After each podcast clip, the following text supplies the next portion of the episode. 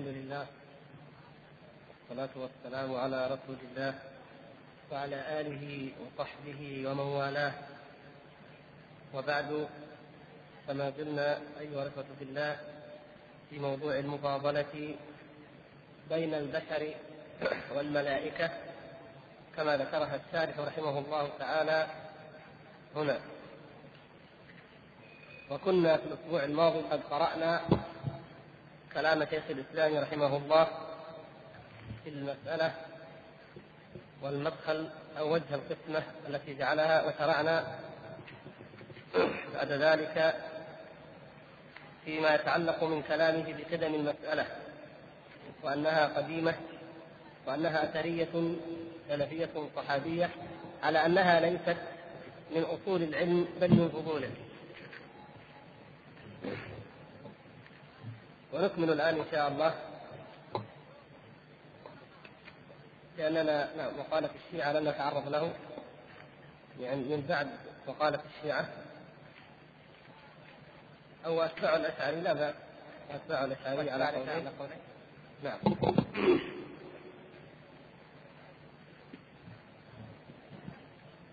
وأتباع الأشعري على قولين. منهم من يفضل الأنبياء والأولياء. ومنهم من يقف ولا يقطع في ذلك قولا. وحكي عن بعضهم ميلهم إلى تفضيل الملائكة. وحكي ذلك عن غيرهم من أهل السنة وبعض الصوفية.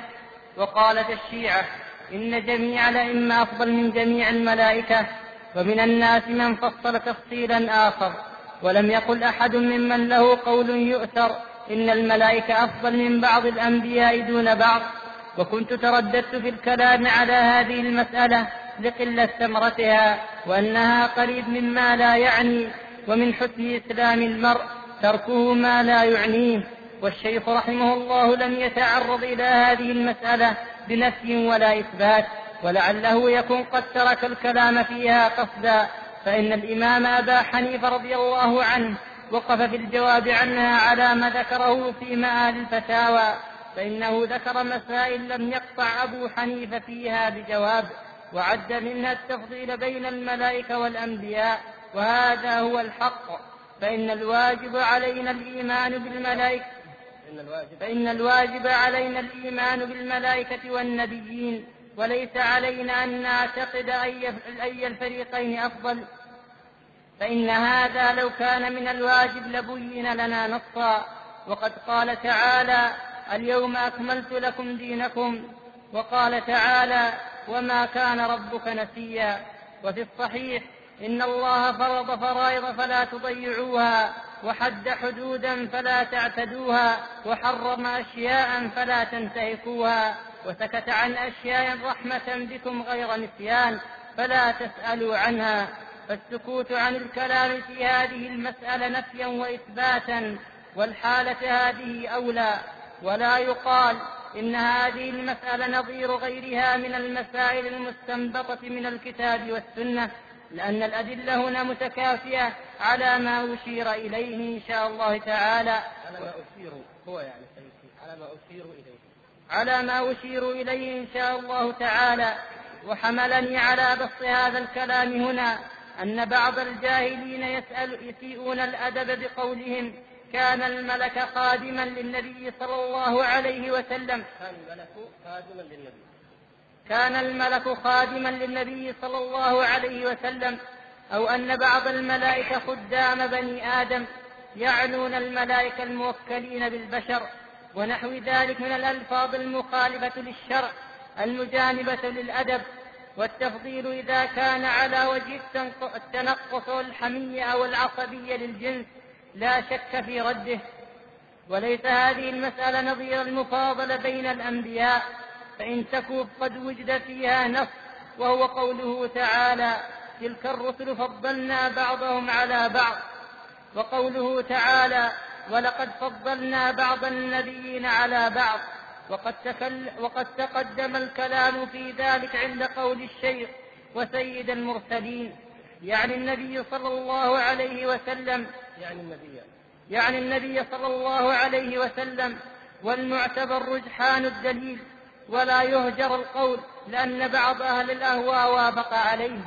بعد أن تكون المسألة مختلفا فيها بين أهل السنة وقد كان أبو حنيفة رضي الله عنه يقول أولا بتفضيل الملائكة على البشر ثم قال بعكسه والظاهر. أن القول بالتوقف أحد أقواله والأدلة في هذه المسألة من الجانبين إنما تدل على الفضل لا على الأفضلية ولا نزاع في ذلك ولا نزاع في ذلك. ولا نزاع في ذلك وللشيء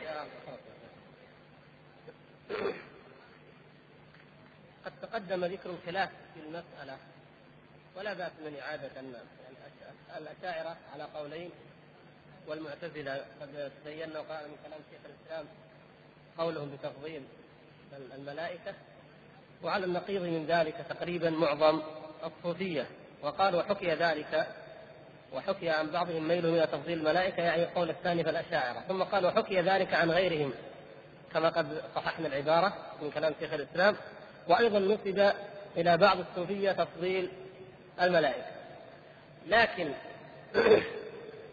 غالب الصوفية والشيعة يفضلون البشر وإن كان لا, لا يطلقون القول في أي بشر طبعا لكن الصوفية يفضلون الأقطاب والأبدال والندباء على تعريفاتهم لها يفضلونهم على الملائكة. بل كما تعلمون إنهم قد يفضلون أو, أو منهم من يفضلهم على الخلق جميعا.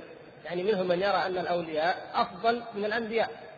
فطبيعي إذن أنه يرى تفضيل ذلك على الملك. فهذا مذهب أكثرهم أو غالبهم.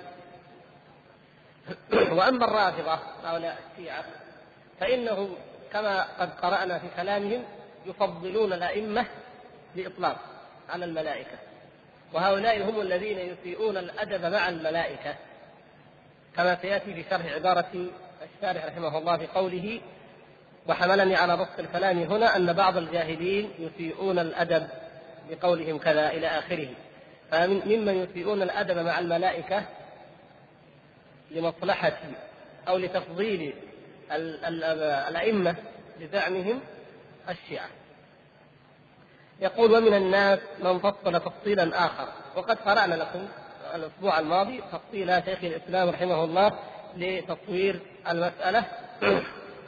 وأن خلاصة ما رجحه ونعيد اليوم إن شاء الله أيضا قراءة طرف من إذا احتجنا إليه أن بني آدم أفضل باعتبار المآل باعتبار الكمال.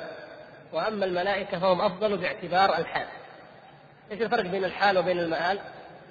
الحال الآن نعم في الحياة الدنيا. والمآل هناك يوم القيامة حيث يكون المؤمنون المقربون عند الله سبحانه وتعالى في منزلة تغبطهم عليها الملائكة. ويكون الملائكة الذين في الجنة هم حقيقة بمنزلة الخدم للمؤمنين. هنالك. أما باعتبار الحال فلا. ولا غرابة في ذلك. نقول لا غرابة من حيث أما من حيث الأدلة فتجتمع الأدلة به. تجتمع به الأدلة كما سوف نعرض إن شاء الله وتتفق. وأما من حيث المعقول فلا غرابة في أن يقال إن الطفل الآن مفضول مثلا طفل مفضول بالنسبة إلى رجل آخر. لكن إذا قيل إن الطفل هذا سيصبح فاضلا إذا اكتمل وصار رجلا فيصبح أفضل من ذلك. فليس به أيضا ما يستغرب. فمن فضل الرجل نظر إلى الحال ومن فضل الطفل اعتبر المآل وأنه إذا كبر وهو مثلا بهذا العلم والحفظ والخير وكذا فيصير أفضل من ذلك ولا سيما من كانت عاقبته معروفة ومآله بين كما هو حال المقربين وعلى رأسهم الأنبياء والصالحون من بني آدم. يعني. يقول ولم يقل أحد ممن له قول يؤثر إن الملائكة أفضل من بعض الأنبياء دون بعض. هو هذا يعني لما قلنا القسمة الرباعية هذا القول ما قال به أحد. الحمد لله إنه إنه الملائكة أفضل من البعض وبعض أفضل. يعني ما أحد قالها بهذا التفصيل وإلا هي من المحتملات عقلا. وكنت ترددت يقول الشارح رحمه الله كنت ترددت في الكلام على هذه المسألة لقلة ثمرتها وأنها قريب مما لا يعني ومن حسن إسلام المرء تركه ما لا يعني. يعني هذه قاعدة عظيمة في العلم من حسن إسلام المرء تركه ما لا يعني في أي شيء. وهذا الحديث من جوامع الكلم ومن القواعد العظمى التي عاشها السلف الصالح رضوان الله تعالى عليهم تطبيقا واقعيا. لا تجد في حياتهم ولا في علمهم أي حشو. ابدا كله لب وخلاصات وثمرات. كلام الصحابة والسلف وحياتهم وعبادتهم كلها كذلك. وإنما الحشو والغثاء والنخالة في من بعدهم. في الأجيال كلما جاء جيل كان حاله من ذلك أكثر والله المستعان من حسن إسلام المرء تركه ما لا يعنيه. قال بعض السلف هذه هذا الحديث فيه نصف العلم. نصف العلم. كيف يكون نصف العلم؟ قلنا لعلكم حضرتم المحاضرة الأسبوع الماضي أنه نصف العلم. أيوه. نعم. يعني لا يخرج فعلا حياتك كل شيء في حياتك لن يخرج عن هذين القسمين. يعني ولا يعنيك. أليس كذلك؟ فلو عرفت حقيقة ما يعنيك وحرصت عليه وتعلمته وأفدته وعلمت حقيقة ما لا يعنيك وتركته لسلم لك العمر كله فأصبح علمك كله خيرا وثمرة. وأصبحت حياتك كلها خيرا وأصبح وقتك كله محفوظا. ما ضاع منه شيء. لكن ثق تماما. أنك إن أضعت شيئا من وقتك ساعة أو دقيقة أو قراءة في كتاب أو أي شيء مما لا يعنيك فإن ذلك نقص في النصف الذي يعنيك. ولا محالة. ومن هنا يأتي كلام عبد الله بن مسعود رضي الله تعالى عنه ما ابتدع قوم بدعة إلا أماتوا مثلها من السنة. لا يمكن لأنه هذا العمر والقلب إناء. ممتلئ يمتلئ بالخير أو الشر فإن امتلأ بشيء ثم أردت أن تضيف إليه شيء فلا بد أن أن يخرج من ذلك الأول يعني يكون لحسابه أو ليختلط به. فاذا العاقل يملأ وقته بما يعنيه ويكتفي بذلك. فلو أراد ان أن يزيد عليه أو أن يضيف ما لا يعنيه لكان ذلك نقصا بالطبع وبالعقل فيما يعنيه وفيما خلق من أجله. وهذه القاعدة العظيمة ذكرها الشيخ رحمه الله هنا يقول قريب هذا يعني قريب مما لا يعني. ومن حسن إسلام المرء تركه ما لا يعنيه كما صح ذلك عن رسول الله صلى الله عليه وسلم. حديث كما تعلمون حسن أو صحيح بشواهده والشيخ رحمه الله لم يتعرض إلى هذه المسألة بنفي ولا إثبات. الشيخ من؟ أيوة يعني الماتن صاحب المتن الإمام الطحاوي رحمه الله. ولعله يكون قد ترك الكلام فيها قصدا. يعني يقول أيضا ليس مجرد نسيان أو لأنها ليست مهمة فلم ترد على باله. لا قد يكون تركها متعمدا قاصدا وقد خطرت بباله لكن قال لا أكتبها ولا أذكرها. لماذا؟ فإن الإمام أبا حنيفة ليش قال لماذا يقول فإن الإمام الشافعي أو أحمد؟ أيوه لأن الإمام الطحاوي رحمه الله حنفي المذهب. نعم. فإن الإمام أبا حنيفة الذي هو القدوة في المذهب رضي الله تعالى عنه وقف في الجواب عنها على ما ذكره في مآل الفتاوى. مآل الفتاوى علق الشيخ شعيب وهو يعني عليم بمذهب الحنفية أنه كتاب يسمى الملتقط. الملتقط تأليف أبي القاسم محمد بن يوسف العلوي السمرقندي الحنفي. عالم بالتفسير والحديث والفقه والوعظ مات سنة 565 كتاب من كتب المسائل والفتاوى في المذهب الحنفي. هيا شوف إيش قال عليه الشيخ.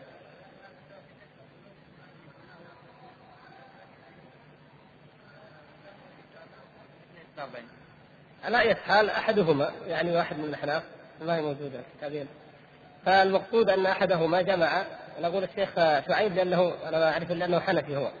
فقد يكون يعني وأنه أيضا ذكر مصدره فقال الفوائد البهية. أما كشف الظنون فهو يعني موسوعة أو يعني معلمة كبرى لا شك في ذلك لكنه يجمع الكل. يعني هو يجمع ويتحدث عن الكتب عامة ومتأخر أيضا. وعلى أي حال الذي يهمنا أن الإمام أبا حنيفة رحمه الله نسب إليه أصحابه الذين جمعوا مذهبه أنه توقف عن الجواب في هذه المسألة ولم يقطع فيها لم يقطع فيها بجواب. وليست وحدها يقول فإنه ذكر مسائل لم يقطع أبو حنيفة فيها بجواب وعد منها التفضيل بين الملائكة والأنبياء. هذه هنا أيضا نقف وقفة للعبرة والاتعاظ تعلمون كيف كان ورع السلف الصالح في هذا الباب. الإمام مالك قيل إنه سئل عن أربعين مسألة فأجاب في ست وثلاثين لا أدري. وهذا أيضا أبو حنيفة رحمه الله ذكر يذكر عنه هذا. ومسائل الإمام أحمد أيضا وهي من أوثق ما جاء لأن لأنها بالأسانيد الصحيحة ومدونة ومطبوعة. وكذلك الشافعي رحمه الله وغيرهم من الأئمة تجد لا أدري لا أعلم لم يبلغنا شيء إلى آخره. يتوقفون ويتحرزون. وقد مر معنا مثلا كيف أن الإمام أحمد رحمه الله توقف في مسألة الأطفال أطفال المشركين. يعني سبحان الله الأئمة الكبار العلماء المقتدى بهم المعتبرون عند الأمة جميعا المجمع على فضلهم وعلمهم لا يطعن في ذلك إلا زنديق أو عدو للإسلام مجاهد يتوقفون في مسائل. وهذه المسائل أو ما هو أشد منها وأدق وأغمض لو عرضت على طويلب الآن لقطع وأفتى ولم يتردد ولم يتوقف. وهذا دليل على أننا لا نتأدب بآداب العلم. حتى وإن عرف الإنسان شيئا فينطبق عليه ما قال الشاعر على فسقه وفجوره وقل لمن يدعي بالعلم معرفة عرفت شيئا أو حفظت شيئا وغابت عنك أشياء. فينبغي أن نتأدب بأدب السلف الصالح رضوان الله تعالى عليهم في أمثال هذه الأمور. حتى إذا سمعنا قولا وسمعنا قولا آخر مخالفا له لا نتسرع فنقول هذا يخالف هذا. لأن المخالفة انقدحت في ذهني أنا وما يدريني أني لو سألت أحدهما لقال ما في خلاف هذا يتكلم على كذا وهذا في كذا. لكن نحن نتخيل دائما أن هذين قولان مختلفان وأن هذا الرأي يضاد هذا. وقد ننقسم فرقتين. كل منا يؤيد قولا ولا خلاف في الحقيقة أو أخطأنا في النقل أو أخطأنا في الفهم أو إلى آخره. وهذا مما يدل على أننا قد نعتني بالفضول ونترك الأصول وأننا لا نتأدب في آداب وأخلاق طلبة العلم. أقول هذا موجود وإن كان الحمد لله أيضا الجانب الآخر موجود ونسأل الله سبحانه وتعالى أن يجعلنا جميعا من المتأدبين والمهتدين بهدي السلف في كل شيء. يقول وهذا هو الحق. الحق يعني آه الشيخ يقول هذا هو الحق أي أنها لا تهم. فإن الواجب علينا الإيمان بالملائكة والنبيين وليس علينا أن نعتقد أي الفريقين أفضل. الواجب المتعين المتحتم الإيمان بالملائكة والإيمان بالنبي ولم يوجب, يوجب علينا ربنا سبحانه وتعالى الإيمان بأيهما أفضل. يقول فإن هذا لو كان من الواجب لبي لبين لنا نصا. وهذه قاعدة قلنا أيضا هذه من قواعد الأسلوب على الاعتبار. مثل ما قلنا الأسبوع الماضي قاعدة؟ إن كان الشيء أثريا سلفيا صحابيا وإلا نقول بدعة ولا ولا يهمنا. وأيضا هنا قاعدة أخرى أن الشيء الذي هو من ضرورات الدين الذي معرفته ضرورية الذي ينبني عليه صلاح في العقيدة أو فساد فيها لا بد أن يبين. تجد أنه يبين. على الأقل يبين ما, ما هو ما مصلحته ومعرفته ضرورية ويترك الآخر لأن ما ترك فهو معلوم أنه من أحدث في أمرنا هذا ما ليس منه فهو رد. فليس لأحد أن يأتي فيقول من أصول الدين كذا من أمور الدين كذا مما يجب اعتقاده كذا وهو لم يرد.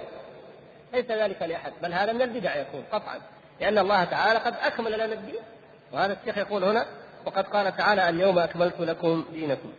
المقصود لو كان ذلك لبين لنا. طيب ما لم يبين لنا؟ له حكمه. ما لم يبين لنا فنحن في هذه الحالة نرده إلى أولي العلم.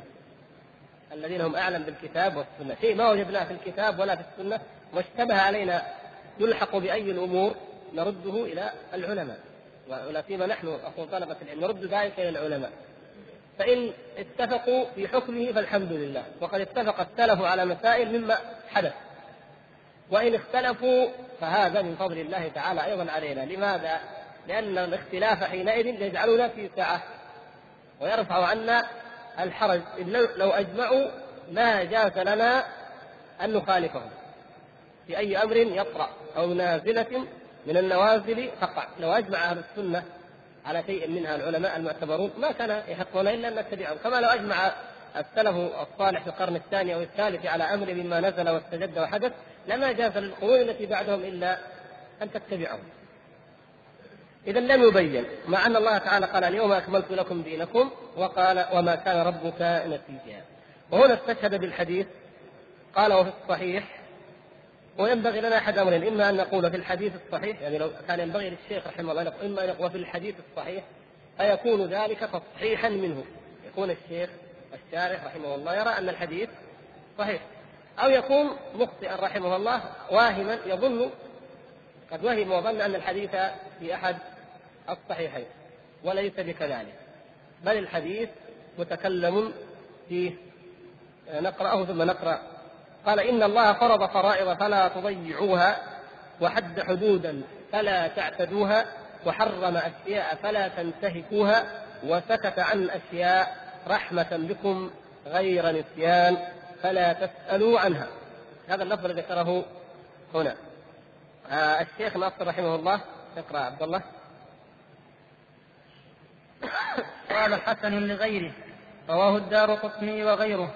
يقول ثم تبينت أن الشواهد التي رفعته إلى الحسن ضعيفان جدا لا يصلحان للشهادة كما أوضحته في غاية المرام. يعني أول شيء له حسن لغيره ثم رأى بعد ذلك غير ذلك. ولهذا ذكره حفظه الله ذكره في ضعيف الجامع الصغير لكن ذكره آه إن الله فرض ما نجده في الفاء. نجده فين إن الله حد حدوده في حرف إيش؟ الحاء يعني الجزء الأول الألف حرف الحاء أظن 1548 زي كذا. أنا يهمني الحرف لأنه بالحرف نعرف. فإيش؟ إن الله حد حدودا. فالشيخ ناصر حفظه الله لا يرى صحة الحديث.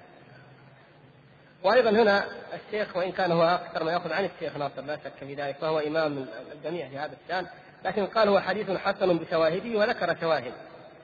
آه الحديث الشيخ ناصر رحمه الله ضعفه من رواية أبي ثعلبة. نعم من رواية أبي ثعلبة التي أخرجها الدار قطني والحاكم والبيهقي. لكن الروايات التي الروايات التي آه، قال هنا عن من؟ عن الحسن. رواها رواه الدار قطني وغيره. إلى الحسن؟ لا ما ذكر اسمه. المقصود المقصود أنه نعم هذه روايات ولكن هناك روايات أخرى. ذكرها الشيخ شعيب هنا عن سلمان الفارسي وأيضا من حديث أبي الدرداء عن أبي الدرداء وعن سلمان. والذي رأيته بعد أن تبعتها أن الحديث هذا يصح أن يكون حسنا. لا لا لا غضاضة أن نقول إن الحديث حسن. اولا فما لا شك أن معناه صحيح والادله على ذلك واضحه على صحة معناه.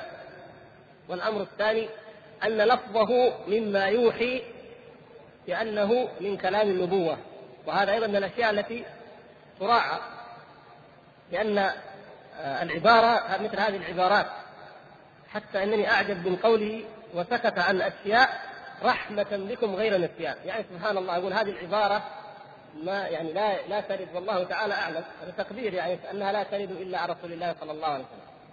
وإن وسكت عن أشياء رحمة بكم غير أشياء. يعني انظر مثل هذه العبارات عليها نور النبوة. والحديث إذا قلنا معناه صحيح فيعني هذا السببين. والثالث إيش؟ أن أن الطرق موجودة عن ثلاثة من الصحابة رضوان الله تعالى عليهم وعن جمع. رواه جمع من الأئمة الدار قطني والحاكم والبيهقي والترمذي وابن ماجه وغيرهم. نعم. فالحديث إن شاء الله حسن أو صحيح.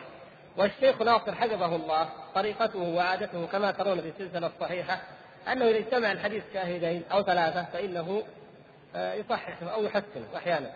وأحيانا قد لا يكون ذلك. نعم والمسألة على أي حال هي تقديرية. ولهذا قلنا إن إن مما يرجح ذلك أن يكون المعنى صحيح آه، يكون المعنى صحيحا تشهد له آيات وأحاديث صحيحة.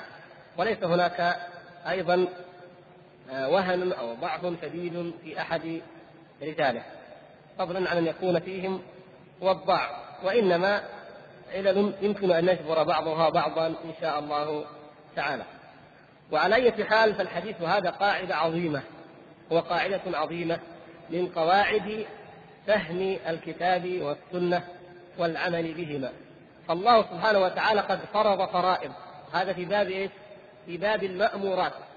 فرض فرائض فلا تضيعوها. هذا في المأمورات.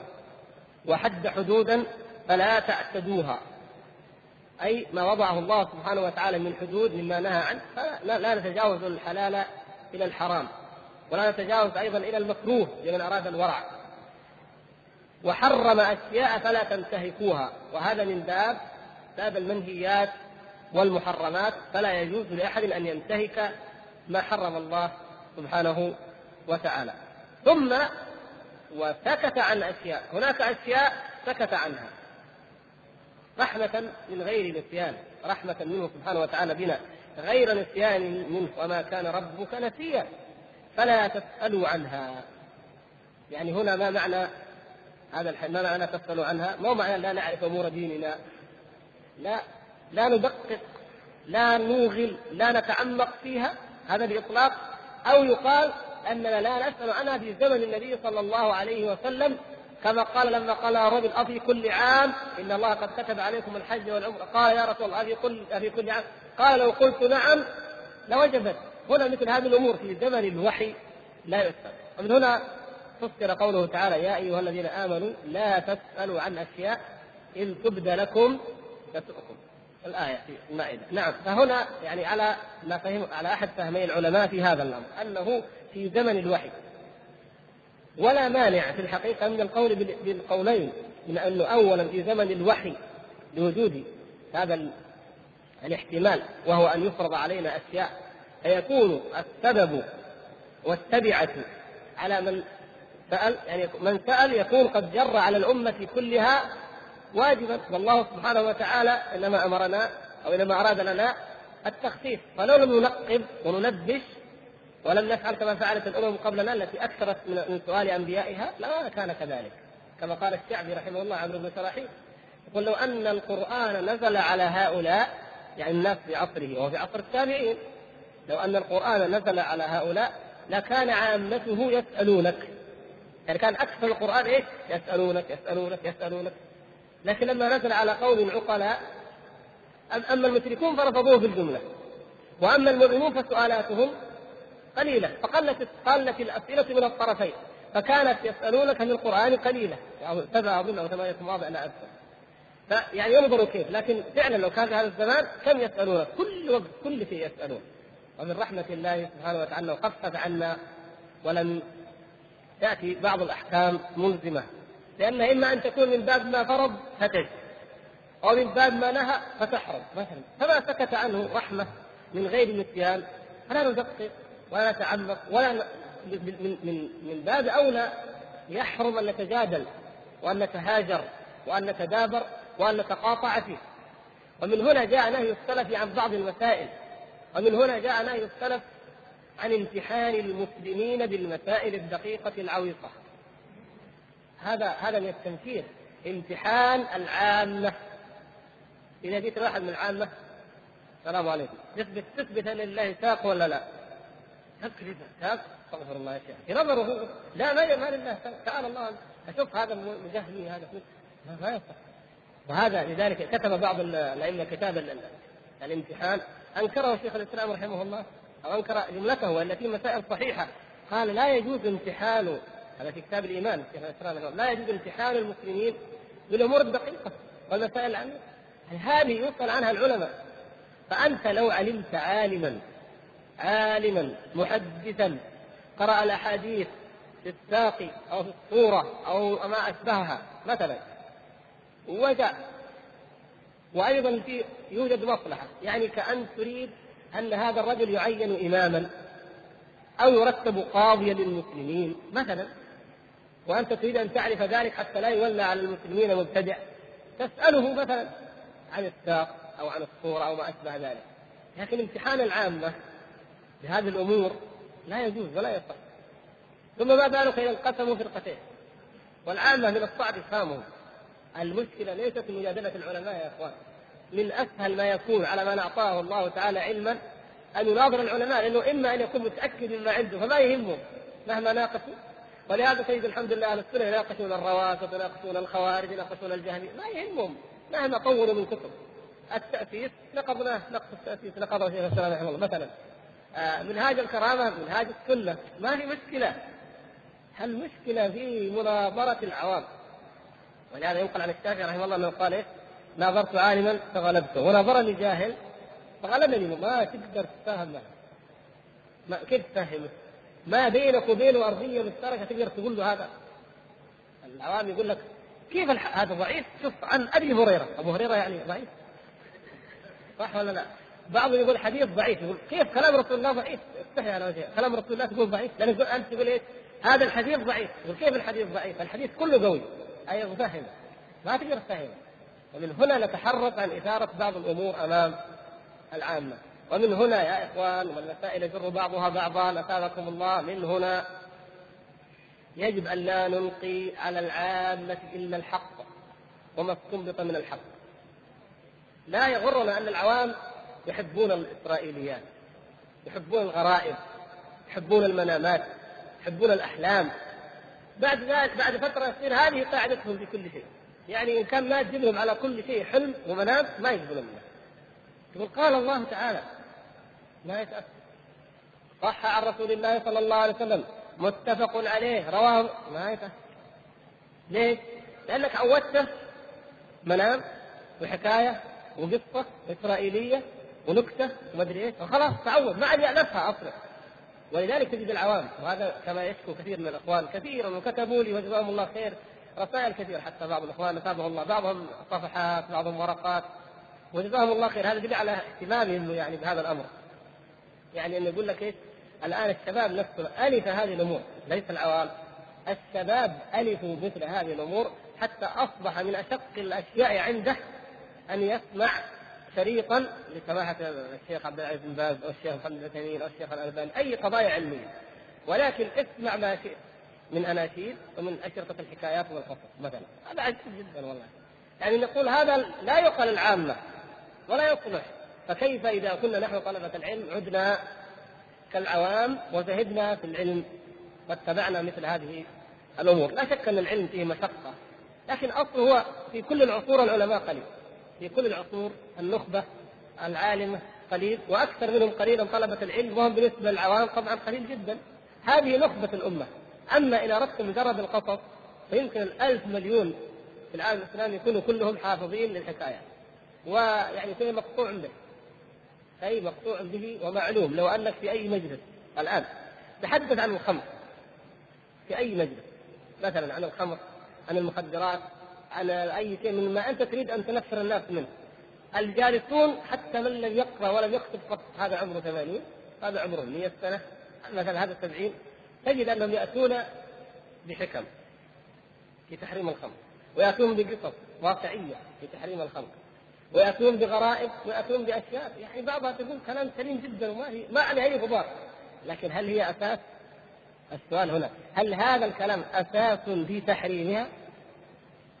هذا مما يعني نقول من شهادة العقول أو من شهادة الواقع أو مطابقة الواقع للحق لكن هل الحق قام على ذلك؟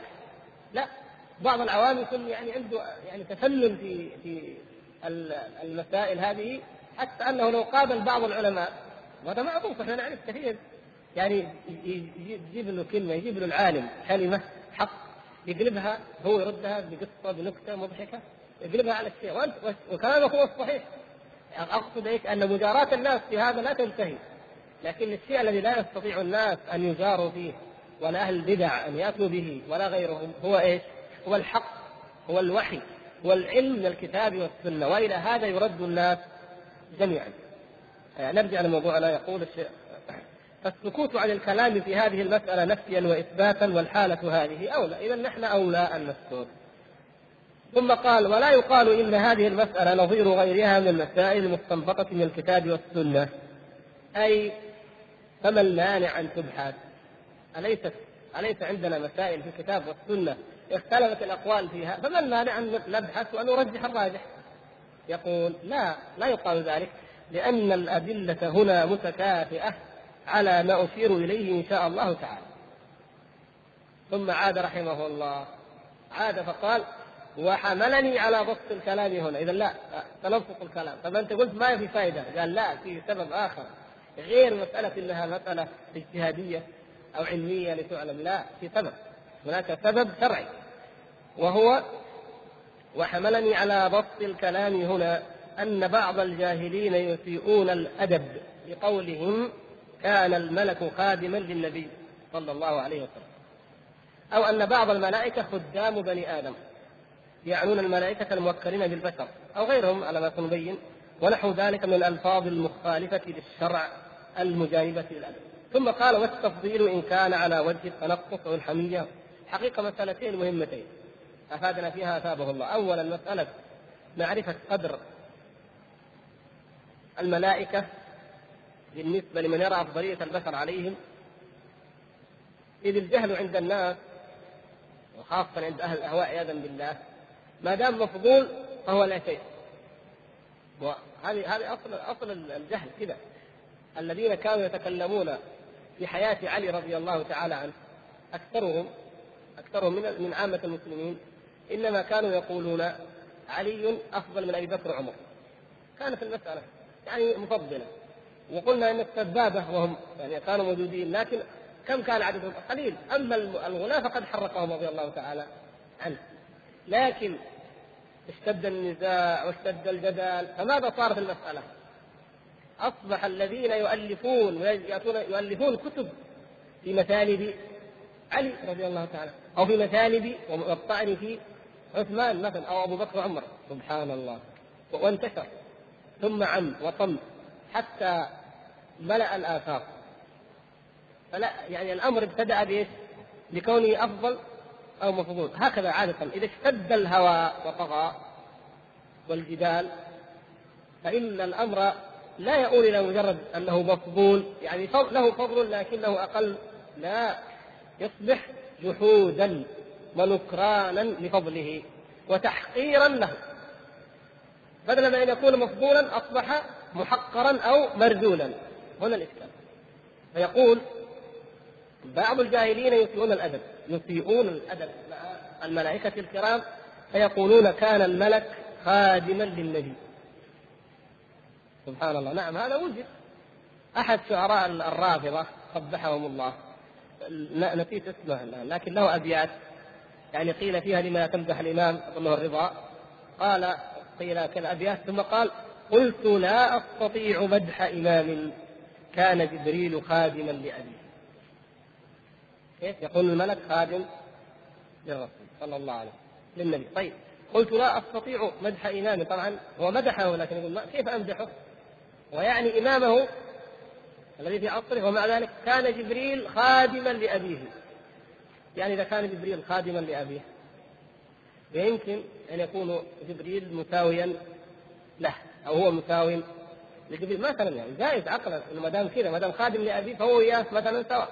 لأنه لو وجد رسول الله صلى الله عليه وسلم في يعني في عهد هذا الرجل أو وجد هذا الرجل في عصره صلى الله عليه وسلم لكان مثلا صحابيا حتى يمكن ما يكون خادم يمكن يكون يعني هذا من مبالغة وهذا من سوء الأدب مع الملائكة الكرام. ولهذا لما قال إنه لقول رسول كريم ذي قوة عند ذي العرش مكين مطاع ثم أمين.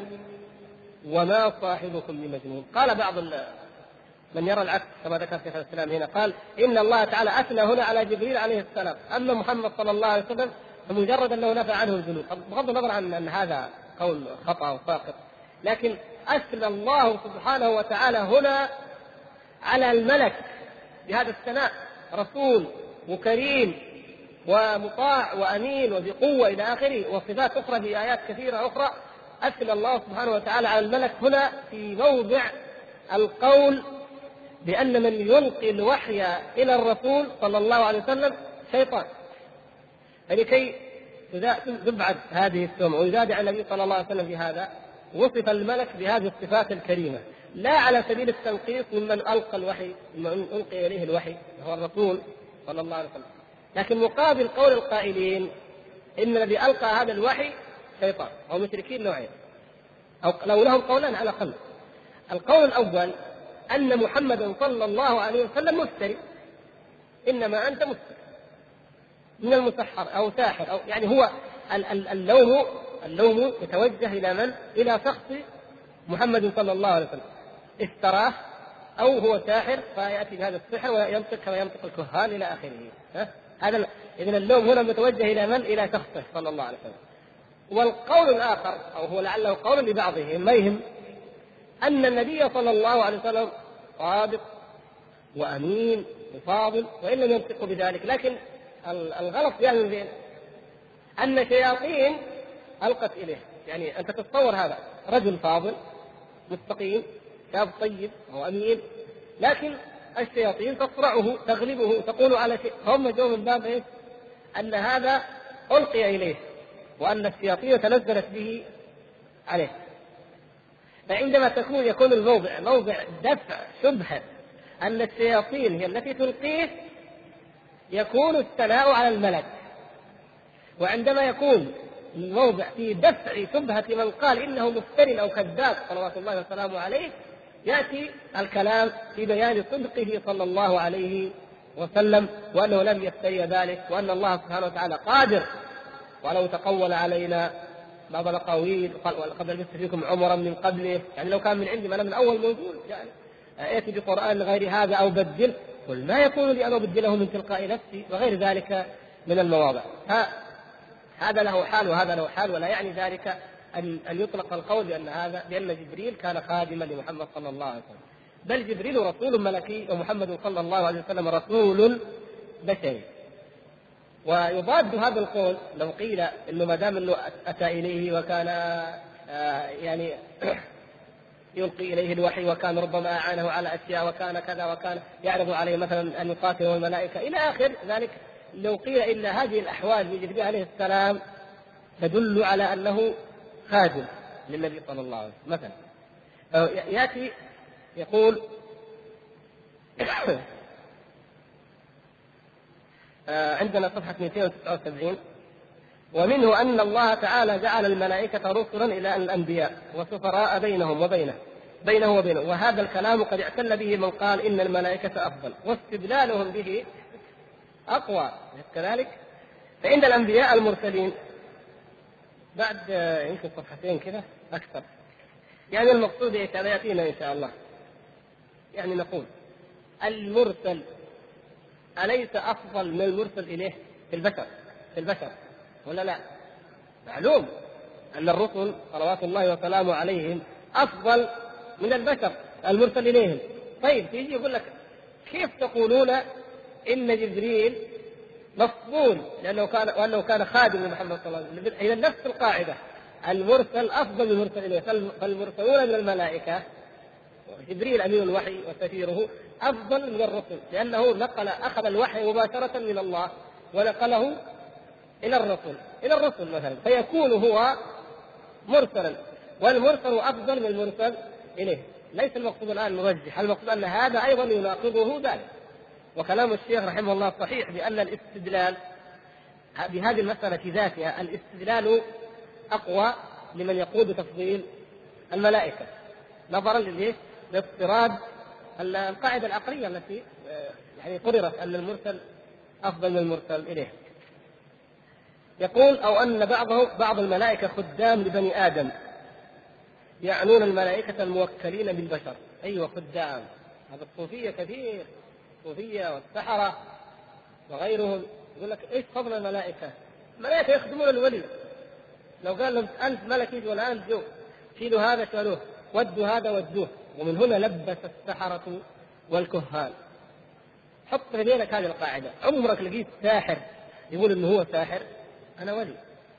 عمرك لقيت واحد ممن يذهب إلى الدجالين والكهنة والعرافين يقول رحنا عند واحد كاهن وأعطانا دواء؟ ساحر. إلا من عرف الحق. رحنا عند واحد ولي. من هنا دخل التلبيس فلبسوا بأنهم إيش؟ أولياء لله. طيب يا يا شيخ الأولياء أنت تقول لك ولي. وهذول اللي يخدموك الملائكه يخدموني ملائكة. أنا هذا الدواء وصفته. من فين جبت الدواء هذا؟ لا شفناه في كتاب ولا سمعنا عنه. قال الخدام جابوه. من الخدام؟ ملائكة. ملائكة؟ اذا خلاص. شيء جاوبوه الملائكة. في شك إنه خلاص. ولكن في الحقيقة من هؤلاء الملائكة؟ ولذلك شيخ الإسلام رحمه الله لما قال له بعض الجهال إن اناسا يستغيثون بك فتغيثهم. سبحان الله. هو في شيخ الإسلام في دمشق فرضا اناس على على الثغور في انطاكيا في طرسوس في بلاد قريب بلاد الروم. على الثغور. استغاثوا بشيخ الإسلام. عياذا بالله. ولا يستغاث إلا بالله سبحانه وتعالى. هذا شرك شرك أكبر. لكن استغاثوا فرأوا. رأوا من أتى على مثل صورة شيخ الإسلام وأنقذهم وأعطاهم ودلهم على الطريق وسلموا سلموا من الروم ومن أي شيء. فجاءوا لشيخ الإسلام وقالوا يا شيخ الإسلام أنت رجل عظيم أنت ولي أنت أنت. لو كان مثل الآن طبعا كيف أنتم عارفين قدري قيمتي لا. قال كيف؟ قالوا نعم لأن استغفنا بك فأغثنا. قال لا هؤلاء شياطين تشبهوا بصورتي. على طريق الحق هنا منتصف الشريف. أولئك يا شيخ الإسلام ما شاء الله. يعني الدليل إيش؟ بدل هذا الإشراف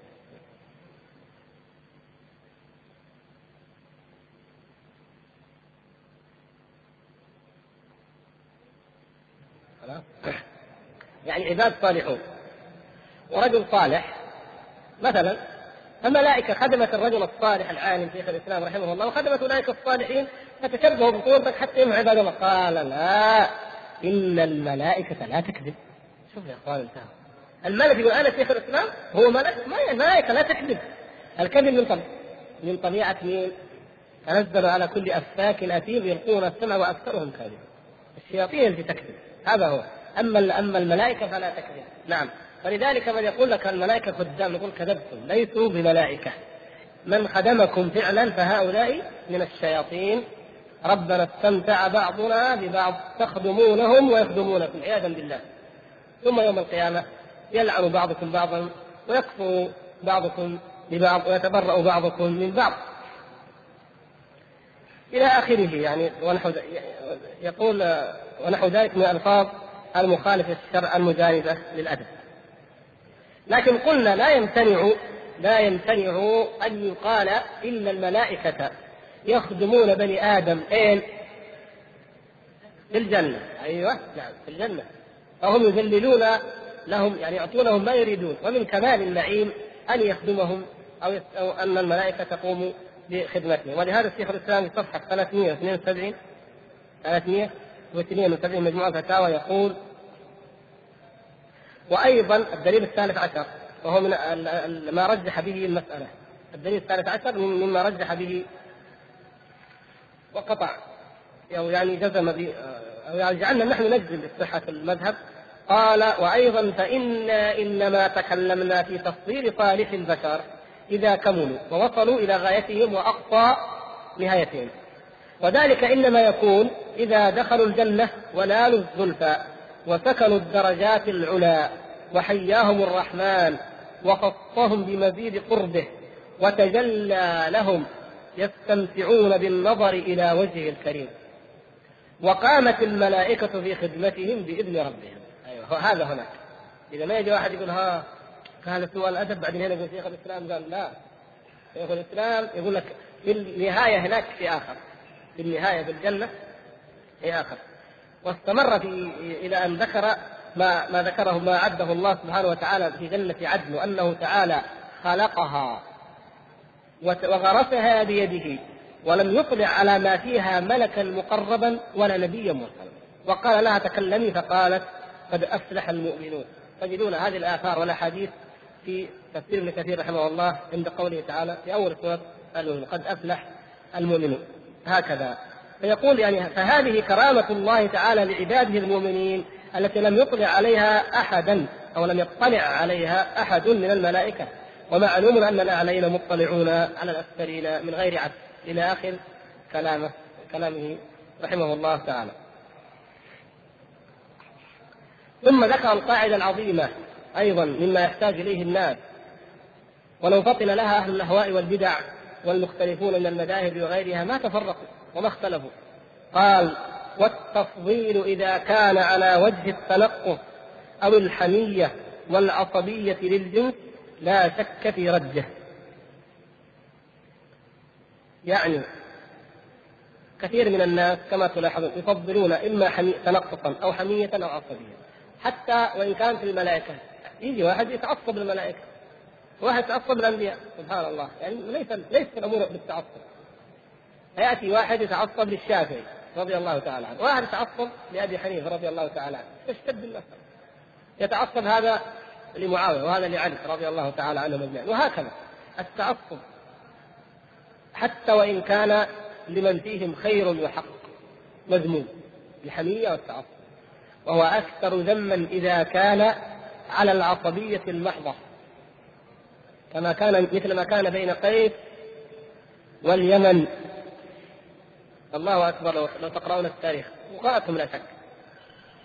تعطلت الفتوحات يا إخوان. تعطلت الفتوحات بسبب العصبية بين قيس واليمن. فتوحات قتيبة بن مسلم الباهلي القائد العظيم الذي أقسم لا يطأ ارض أرض الصين. وأرسل إليه ملك الصين. ندفع لك الجزية. ولا تطأ ارضنا لا يمكن. فأرسل إليه الوزراء بتراب من تراب الصين حملوه على أكتافهم وقام قتيبة فوقه وطئه فوق أكتافهم. حتى لا يدخل بلادهم. من الذي اوقفه من أسباب توقف الجهاد؟ الحمية والعصبيه هذا في الشرق. في الغرب عبد الرحمن الغافقي لما توغل إلى بواتيه قريب من باريس توغل هناك صارت الحمية والعصبيه وكانت من أسباب تعطيل أيضا الجهاد. بل الهزائم في المعارك التي دارت الحمية بين قيس وبين اليمن جاء شيخ الإسلام جيء إلى شيخ الإسلام ابن تيمية رحمه الله فقيل له إن قيس واليمن قد اقتتلوا ويذكر رحمه الله أيضا حال هلال ومدري مين كما قبائل عصبية جاهلية اقتتلوا حتى قتل منهم ألفان. قتل ألفا رجل من بني تميم ومن قيس. يعني عرب الشمال وعرب الجنوب.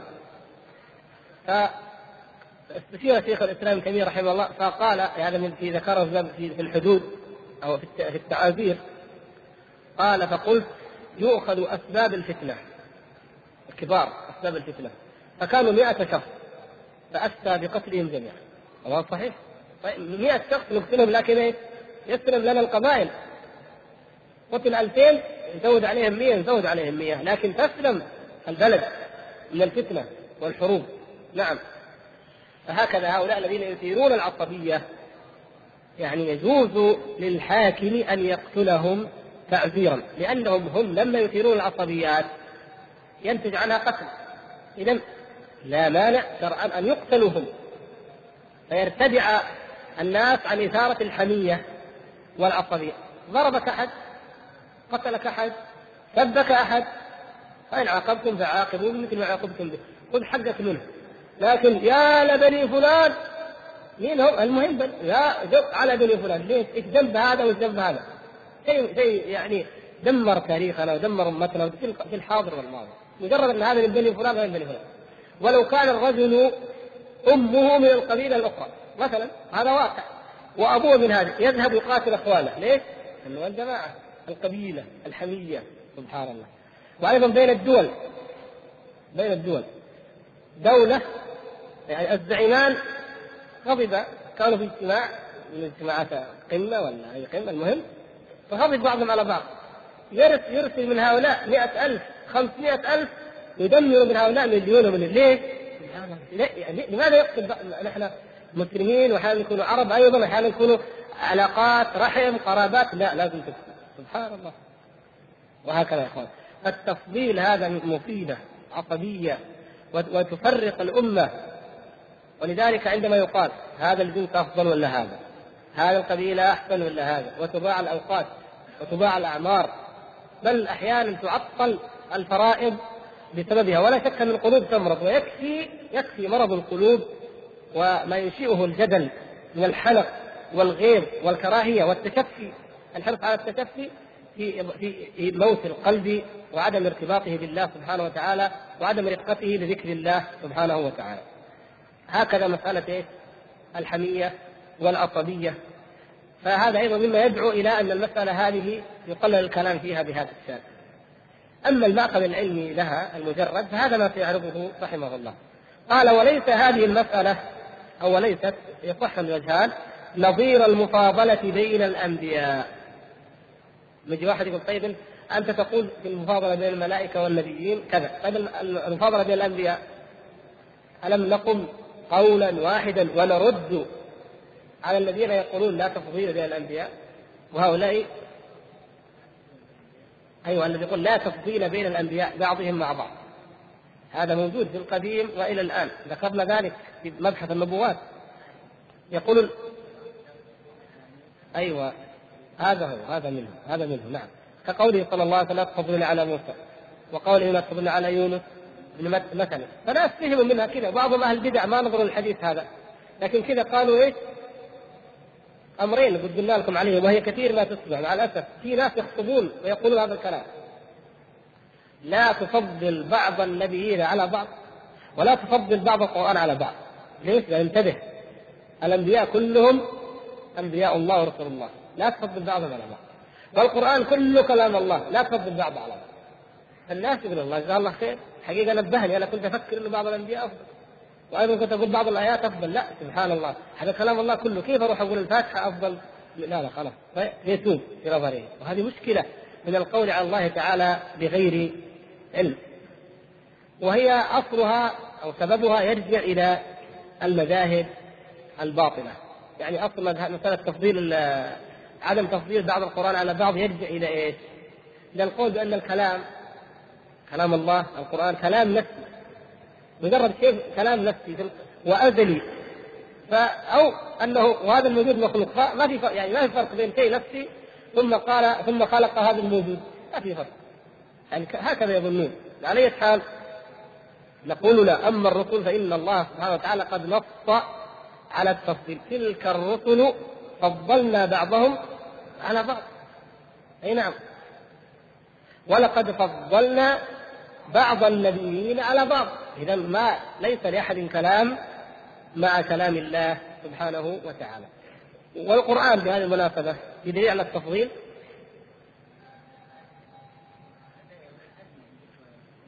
أولي العزم هذا نعم مفضلون. بس نقول في القرآن عشان نتجاوز المسألة.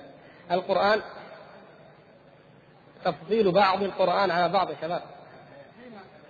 أنت ما فهمت المسألة أنا قلت في ناس يقول لا تفضل بعض القرآن ما يقول لا تفضل القرآن على التوراة. أيوه. آية الكرسي وإيش؟ والفاتحة. قل هو الله أحد. أيوه. حديث النبي صلى الله يقول نزل ملك ملك اليوم لم ينزل قبل ومن باب لم يفتح قبل وأنزل بالسورة وهي قول جبريل. انزل عليه آخر البقرة. هذه آخر البقره يعني أربع اسابيع لا لا ولا يمكن زي كذا ولا لا؟ نعم. الآيتان من آخر البقرة. البقرة. أيوه.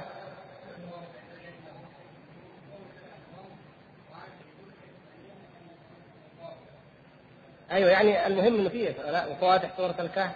آه الكافرون.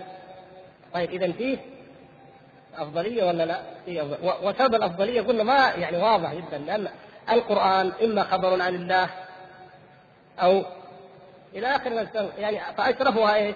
أشرف ما في ما في القرآن وكله حق وكله فاضل. أفضل فيه ما يتعلق بتعريف الخلق برب العالمين يعني ما يتعلق بصفاته سبحانه وتعالى وبحقه على عباده. أما مثلا القصص فهو بيان لحال من من اتبعها أو من خالف. والأخبار عن الجنه والنار فهي بيان لحال المطيعين أو حال المخالفين لهذا الأصل الذي هو معرفة الله وعباده. ولهذا آية الكرسي تعريف بالله. الإخلاص تعريف بالله سبحانه وتعالى. الفاتحة تمجيد حمد وتعريف وأيضا حق لله محض وهو إياك نعبد وإياك نستعين. ودعاء طلب الهداية إلى آخره. إذا مسألة التفضيل على الأنبياء ليست مثل هذه لأن التفضيل بين الأنبياء وارد. وقد بينا ذلك فيما سبق وأن قوله قوله صلى الله عليه وسلم لا تفضلوني على يونس أو على موسى المقصود له عدة أوجه منها أن لا يكون على سبيل العصبية أو أنه كان قبل أن يعلم صلى الله عليه وسلم بالنسبة لموسى عليه السلام أو لكن يعني أن الذي لا شك فيه أن النبي صلى الله عليه وسلم الآن عندنا نعلم أنه أفضل من جميع الأنبياء والرسل صلوات الله وسلامه عليهم أجمعين. والمعتبر رجحان الدليل، يعني ننظر دائما في أي قضية يا إخوان، المعتبر ماذا؟ رجحان الدليل. فإن كان الدليل الحق فلو كان مع من هو أجهل، ها؟ مثلا نقول مع من هو أقل علما. لو كان الدليل الراجح مع من لا نحبه فرضا. لو كان الدليل الراجح من هو أكثر خطأ. مش مهم لا يهم ذلك. لا يهم المهم رجحان الدليل. ولا يهجر القول لأن بعض أهل الأهواء وافق عليه. هذا من كمال العدل. وإذا قلتم فاعدلوا ولو كان ذا قربى. يا أيها الذين آمنوا كونوا قوامين لله شهداء بالقسط. يا أيها الذين آمنوا كونوا شهداء كونوا شهداء لله قوامين بالقسط. يعني كيف نكون في حالة إذا جاءنا دليل مسألة من المسائل. يقول الرافضة يقول الصوفية يقول الخوارج بها. وإحنا أهل السنة أختلفنا فيها قولين. على هذا القول فيها واحد قال كلامكم هذا أنتم. القول يعني الآخر هذا موافق لكلام الرافضة. اذا مردود. لا. المعتبر إيه؟ رجحان الدليل. يا سبحان الله قد يكون هذا القول. افهموا ما ماذا نقصد. قد يفهم الكلام خطأ إذا اختلف أهل السنة أهل السنة اختلفوا على قولين أحد القولين يوافق قول الرافضة أو الخوارج أو اي فرقة هل للطرف الآخر أن يقول أو يرد عليه يقول قولكم هذا هو قول الخوارج أو قول الروافض ويكون ذلك حجة أن نرد كلامهم؟ يقول لا يا يا صاحب هذا القول صاحب القول الآخر يحجك بحجة صحيحة وهي إيه؟ أن العبرة برجحان الدليل بصحته بقوته يعني القول يكون ان يكون القول راجحا وإن وافق عليه أهل البدع. وإلا في هذه المسألة طرفين متقابلين. المعتزلة يفضلون الملائكة والصوفية يفضلون الأنبياء أو ما يقول الأنبياء يقول الأولياء. هذا عندنا قولين متقابلين. فلا يخلو يعني بعض أهل السنة إما أن يقول كذا أو كذا لا يخلو إما أنك موافق المعتزله أو وافق الصوفية. فما يجي واحد يقول لا أنت وافقت الصوفية. الآخر يقول لا أنت أيضا وافقت المعتزلة. نقول لا ينظر إلى هذين لا ينظر إلى أهل الأهواء وإنما ينظر إلى صحة الدليل ورجحان أما ما أحدثه أهل الأهواء مما لا دليل فيه مما أحدثوه وابتدعوه يكفي أن تقول هذا قول الرافضة هذا قول الصوفية هذا قول الخوارج إلى آخره لأن هذا من محدثاتهم. كثرنا اليوم من يعني ما أدري لكن الواقع أحيانا يلح علينا يا اخوان وارى أنه لابد أن نفهم هذه الأمور. يعني بعض الأشياء واحد سوى فعل فعل أمر من الأمور. وهذه يعني أيضا جاءتني هذه قضية الآن. كل هذه القضايا تأتي لأنه مساله نعيشها وكما كتب لي كثير منكم واحد فعل فعل الأفعال. جاء قال هذا شغل الناس الفلانيين. يعني ذكر جماعة من جماعات المسلمين أو طائفة. هذا العمل عملهم. الآخر خلاص خلاص إذا ما دام عملهم ما ما عاد تسويه هذا صحيح؟ يدخل بهذا الكلام يا إخوان. ليس كون طائفة أو فرقة أو جماعة أو كذا. طبعا الجماعات ليست كالفرق وقد بينا هذا مرارا لكن نقول حتى لو فرض الواحد ماخذ فكرة عن طائفة أو رأي معين أو اتجاه معين إنه خطأ ما يصلح. ليس مما يعني أنك تقول هذا يوافق أو هذا يقولونه يفعلونه. هذا يفعلونه. اذا خلاص اذا حرام. بدعة. سبحان الله. أين العدل؟ لا يا أخي. أو كل ما يفعلونه باطلا. سبحان الله العظيم. ليس كل ما يفعله اليهود باطلا ومع ذلك نحن نهينا صراحة نهانا ربنا عز وجل أن نوالي اليهود أو نتشبه بهم. هذا معلوم من ديننا. ولكن غيرهم يعني المسلمون من كان له أخطاء وله صواب فلا يكفيك دليلا أن أن تحتج أو تستدل بأن من من يخالفك أو من يوافقك الخصم على خلافه أنه يفعله لتحذره منه بل لابد من دليل آخر هذا هذه من قواعد العدل ونحن نحن أمة العدل إن لم نعدل إن لم يعدل أهل السنة فمن يعدل؟ من يعدل؟ ولذلك ضاع العدل في الدنيا لأن أهل السنة أو المنتسبين إليها لم يراعوا هذا الميزان إلا ما رحم الله سبحانه وتعالى. يقول والمعتبر رجحان الدليل ولا يهجر القول لأن بعض أهل الأهواء وافق عليه بعد أن تكون المسألة مختلفا فيها بين أهل السنة. هذا واضح إن شاء الله. وقد كان أبو حنيفة رضي الله عنه يقول أولا بتفضيل الملائكة على البشر ثم قال بعكسه انظروا الشافعي له قديم وجديد. طيب أبو حنيفة هنا هنا في هذه المسألة له قديم وجديد وقول ثالث. ثم والظاهر أن القول بالتوقف أحد أقواله. يعني إما أن الإمام أبو حنيفة رحمه الله إما أنه آخر أمره توقف يعني قال اولا بتفضيل الملائكة ثم قال بتفضيل البشر ثم توقف.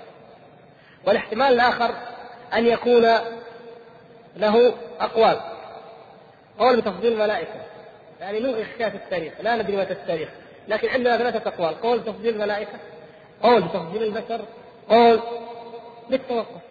نعم فهذا كما ذكرنا يدل على كمال علمهم رضي الله تعالى عنهم ووجوب الاحتساء والاقتداء بهم منا في التأدب وفي التورع في العلم.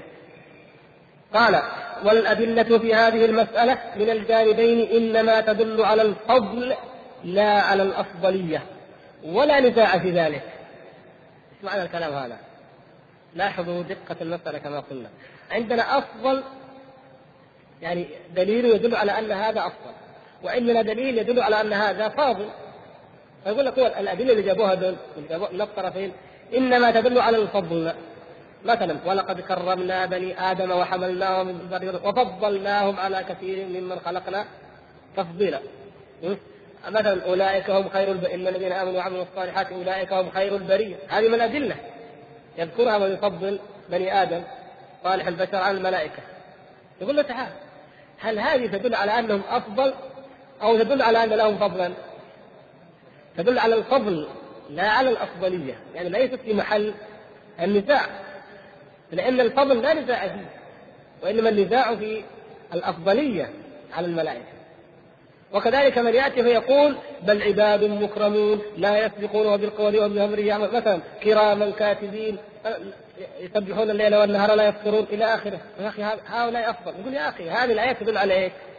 على فضل الملائكة لا على أنهم أفضل من بني آدم وهذا يعني فعلا هذا من جوامع الاستنباط لأنه كما سترون عندما نعرض الأدلة نجد أن أن أنها دائرة بين هذا وبين ذاك. وبعدين قال وللشيخ تاج الدين الفزاري رحمه الله مصنف سماه الإشارة البشارة في تفضيل البشر على الملك. أول حاجة تاج الدين هذا ما بحثت ما أقول ما لقيت أنا ما بحثت عن ترجمة له ما قدرت أدور له. وإن كان ودنا أنكم خلوها دين علي وعليكم ندور له ترجمة. عرفنا عندك. ما لو عرفت عام كم. لو أدري متى كان.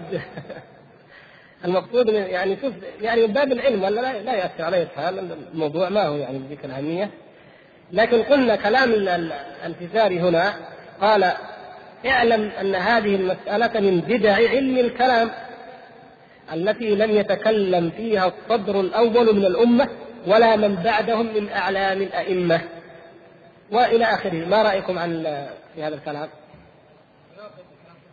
هذا كلام أيوه. غير صحيح. ليش؟ أنها سلفية أثرية سلفية صحابية. بل في الحقيقة عندنا هنا إحنا عندنا هنا حديث تاتي بعد ولا لا؟ الصفحه الثانية حديث آه، آه، عبد الله بن سلام وحديث ابن عمرو عبد الله بن عمرو بن العاص رضي الله عنه. نعم. إلى آخره فهذه يعني والكلام فيها وارد. آه، شيخ الإسلام رحمه الله ذكر أكثر من ذلك.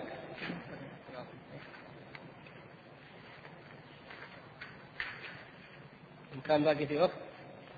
على كل حال نشير إليه. نشير إليه إشارة. أيوه يقول آخر صفحة 369 بعد أن ذكر حديث الرويم هذا وغيره قال وأقل ما في هذه الآثار أن السلف الأولين كانوا يتناقلون بينهم أن صالحي البشر أفضل من الملائكة من غير نكير منهم لذلك ولم يخالف أحد منهم في ذلك.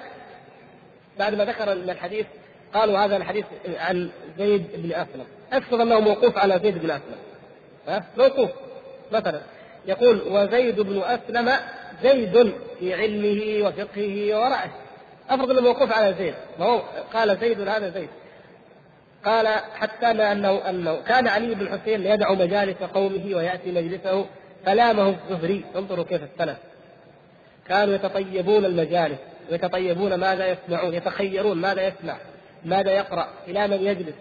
قال الزهري يا علي بن الحسين كيف تترك مجالس قومك وتذهب إلى مجلس زيد بن أسلم قال إنما يجلس حيث ينتفع أو إنما يجلس حيث ينتفع. يعني الإنسان يجلس فين؟ حيث ينتفع يجد أنه يستفيد لما يجلس عند زيد بن أسلم أو قال حيث يجد صلاح قلبه. وقد كان يحضر مجلسه يقول شيخ الإسلام رحمه الله وقد كان يحضر مجلس زيد بن أسلم نحو 400 طالب للعلم. 400 من طلاب العلم في عصر التابعين. أدنى خصلة فيهم البابل ما في يده من الدنيا. يعني أقل واحد فيهم أفرض له 400 عالم لكن أقل شيء واحد يعني من الكرماء المتصدقين المنفقين الحريص على العلم. ولا يستأثر بعضهم على بعض. هؤلاء هم طلبة العلم الحقيقيين. فلا يقول مثل هذا القول إلا عن بينة أو عن كذا. والكذب على الله عز وجل أعظم من الكذب على رسوله. يعني الكذب على الله من الحديث فيه آه، ربنا خلقتنا وخلقت فقال الله تعالى لا لا أجعل صالح من خلقت بيدي كمن قلت له كن فيكون. فالحديث أيضا ليس مجرد أنه إيش؟ يعني لو قال زيد بن أسلم قال الله وليس مجرد أنه حديث أنه مرفوع من كلام رسول الله. صلى الله عليه وسلم. بل هو أيضا حديث قدسي. فيكون الأمر فيه اغلط لأن الكلام على الله عز وجل والكذب على الله أعظم. نعم. المهم أنه حتى لو كان موقوفا أن السلف كانوا يتناقلون فيما بينهم ويتحدثون في موضوع التفضيل. فإذا جاء الشيخ تاج الدين أو أي شيخ من العلماء رحمهم الله وقال هذه المسألة من بدع علم الكلام نقول لا. ليس الأمر كذلك بل هي أثرية صحابية سلفية كما قال الشيخ آه، رحمه الله. طيب آه، نعم خلاص. باقي عشر دقائق؟ ما أدري إذا كان على كل حال. بعد هذا يعني يأتي موضوع التفصيل في الأدلة. التفصيل في الأدلة. أدلة. أولا المفضلين للأنبياء على الملائكة وثانيا أدلة المفضلين للملائكة على الأنبياء. وأنا يعني أراكم تريدون ان تتهيأوا للصلاة فنتوقف إلى هنا وإن شاء الله تعالى في الأسبوع القادم إن شاء الله نكون قد نبتدي راسا في مسألة التفصيل في الأدلة بإذن الله. إلا إن كان في كلام تاج الدين ما يحتاج إلى شرح نعيده على أي حال. لكن نجيب ترجمته يا شباب. نجيب؟ آه أنت سألت. لازم تقول لي في أي سنه في اي عصر نعم.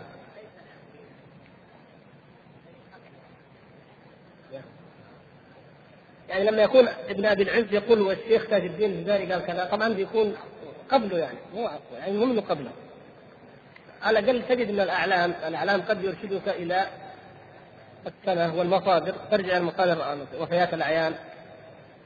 والله أعلم غالبا تجد في وفيات الأعيان.